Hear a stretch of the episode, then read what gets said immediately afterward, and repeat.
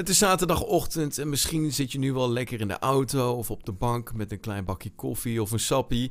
En denk je, het is een goed moment om eens even helemaal bijgepraat te worden omtrent de Grand Prix van Rusland. Want wat kan je nou precies verwachten tijdens deze Grand Prix? Ja, de Formule 1 heeft namelijk een weekje de tijd gehad om even te herstellen van het chaotische sprintraceweekend op Monza. Maar goed, inmiddels staat de grote prijs van Rusland alweer voor de deur. Wat betekent dat je hem moet open doen. Sorry, flauw grapje. Maar goed, laten we beginnen. Dit seizoen kent de titelstrijd zoals we die in jaren al niet meer hebben gezien. En gelukkig, we mogen hier blij om zijn, denk ik. Max Verstappen en Lewis Hamilton leggen week na week het vuur aan de schenen op het asfalt. Terwijl ook de spanningen tussen de teams, Red Bull Racing en Mercedes, regelmatig hoog oplopen. Dit is allemaal wat je kan verwachten tijdens het raceweekend in Rusland. Het vertrek van Valtteri Bottas bij Mercedes lijkt hem eigenlijk wel heel erg goed te doen, want de Finn is namelijk op dit moment uiterst in topvorm. Sochi en Bottas gaan daarnaast ook gewoon goed samen. Hier legt hij namelijk beslag op zijn allereerste Formule 1 overwinning. En daarna kende het ook gewoon heel veel goede resultaten. Kan hij factor in de titelgevecht tussen Verstappen en Hamilton gaan vormen door er met de overwinning vandoor te gaan? Nou goed, tijdens de eerste twee vrije trainingen hebben we gezien dat hij onwijs snel is. Gaan we door naar het team van McLaren, want die heeft Italië verlaten met een voorsprong van 13,5 punten op Ferrari. En zorgt dat zij toch wel weer in gevecht zijn om de derde plaats in het constructeurskampioenschap. Hogesnelheidscircuits gaan dit seizoen goed samen met McLaren, wat ze opnieuw een voordeel ten opzichte van de Scuderia zou moeten geven. De laatste sector van dit circuit is echt wel een beetje krap en heeft veel weg van Monaco, wat Ferrari dan weer een mogelijkheid zou moeten geven. Nou goed, Leclerc die moet wel helemaal achteraan starten vanwege een motorwissel. Maar misschien kan Carlos Sainz het gevecht aangaan met Lando Norris en Daniel Ricciardo.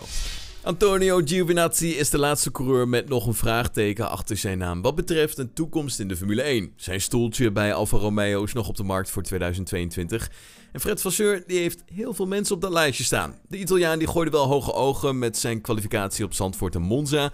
Maar de goede resultaten op zondag die blijven nog een beetje uit. Nou, komt ook een beetje een combinatie door pech en rijdersfouten. Maar goed, veel kansen om te laten zien waarom hij volgend jaar de teambaat van Bottas moet worden. Heeft hij niet zo erg veel meer. Dus Giovinazzi moet vechten voor wat hij waard is dit weekend. Gaan we door naar Alfa Tauri, want Pierre Gasly die leek in Italië opnieuw in bloedvorm te zijn, maar een crash op zaterdag zorgde ervoor dat hij de race vanuit de pitstraat moet starten.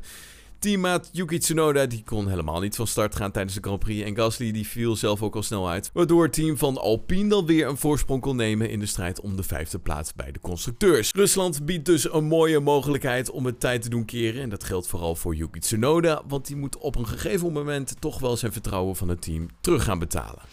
En ja, de crash tussen Verstappen en Hamilton op Monza kan natuurlijk ook niet onbesproken blijven. Ondanks de spectaculaire overwinning van Daniel Ricciardo en het 1-2'tje van McLaren was dit het moment van de race. Terecht of onterecht, Verstappen die kreeg in ieder geval een gridstraf van drie plaatsen voor het incident. Maar eerlijk is eerlijk, dat maakt nu helemaal niks meer uit.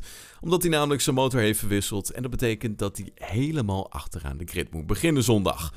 Vanwege het lange rechte stuk richting de eerste bocht en het gigantische voordeel van de slipstream moet je niet verbaasd gaan opkijken als die twee toch nog een keer zij aan zij door de eerste knik gaan. Goed, dat was hem dan, de GP Event Special. Toch wel een kleine top 5 op de zaterdagochtend. Ehm, ik hoop dat je ervan hebt genoten. Laat het weten onder onze Apple Podcast pagina of volg ons op Spotify om ons nog groter te worden op de streamingsdiensten. En dan zie ik je vanavond weer bij een gloednieuwe GP Fans nieuws. Ja, ik kan je dan niet zien, maar ik hoop dat je er in ieder geval bij bent. Tot dan. Hoi.